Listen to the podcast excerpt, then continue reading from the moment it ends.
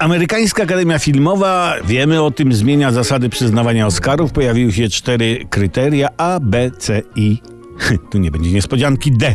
Wszystkie dotyczą politycznej poprawności w każdym stadium produkcji filmowej. Na przykład w znaczącej roli musi być e, obsadzona osoba z mniejszości etnicznej lub płciowej. Temat filmu też będzie musiał dotyczyć osób do tej pory niedoreprezentowanych. To samo dotyczy statystów, członków ekipy produkcyjnej, dystrybucyjnej.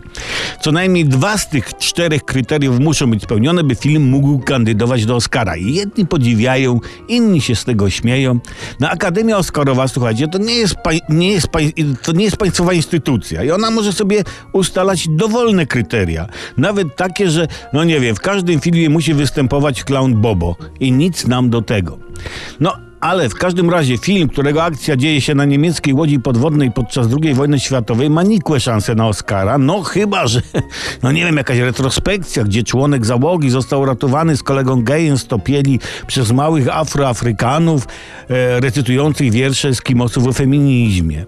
Ale spójrzcie, u nas jest podobnie.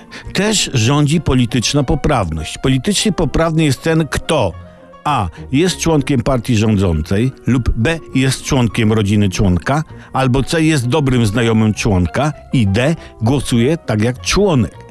I tylko osoba spełniająca co najmniej dwa z tych kryteriów może kandydować na intratne stanowisko w Radzie Nadzorczej.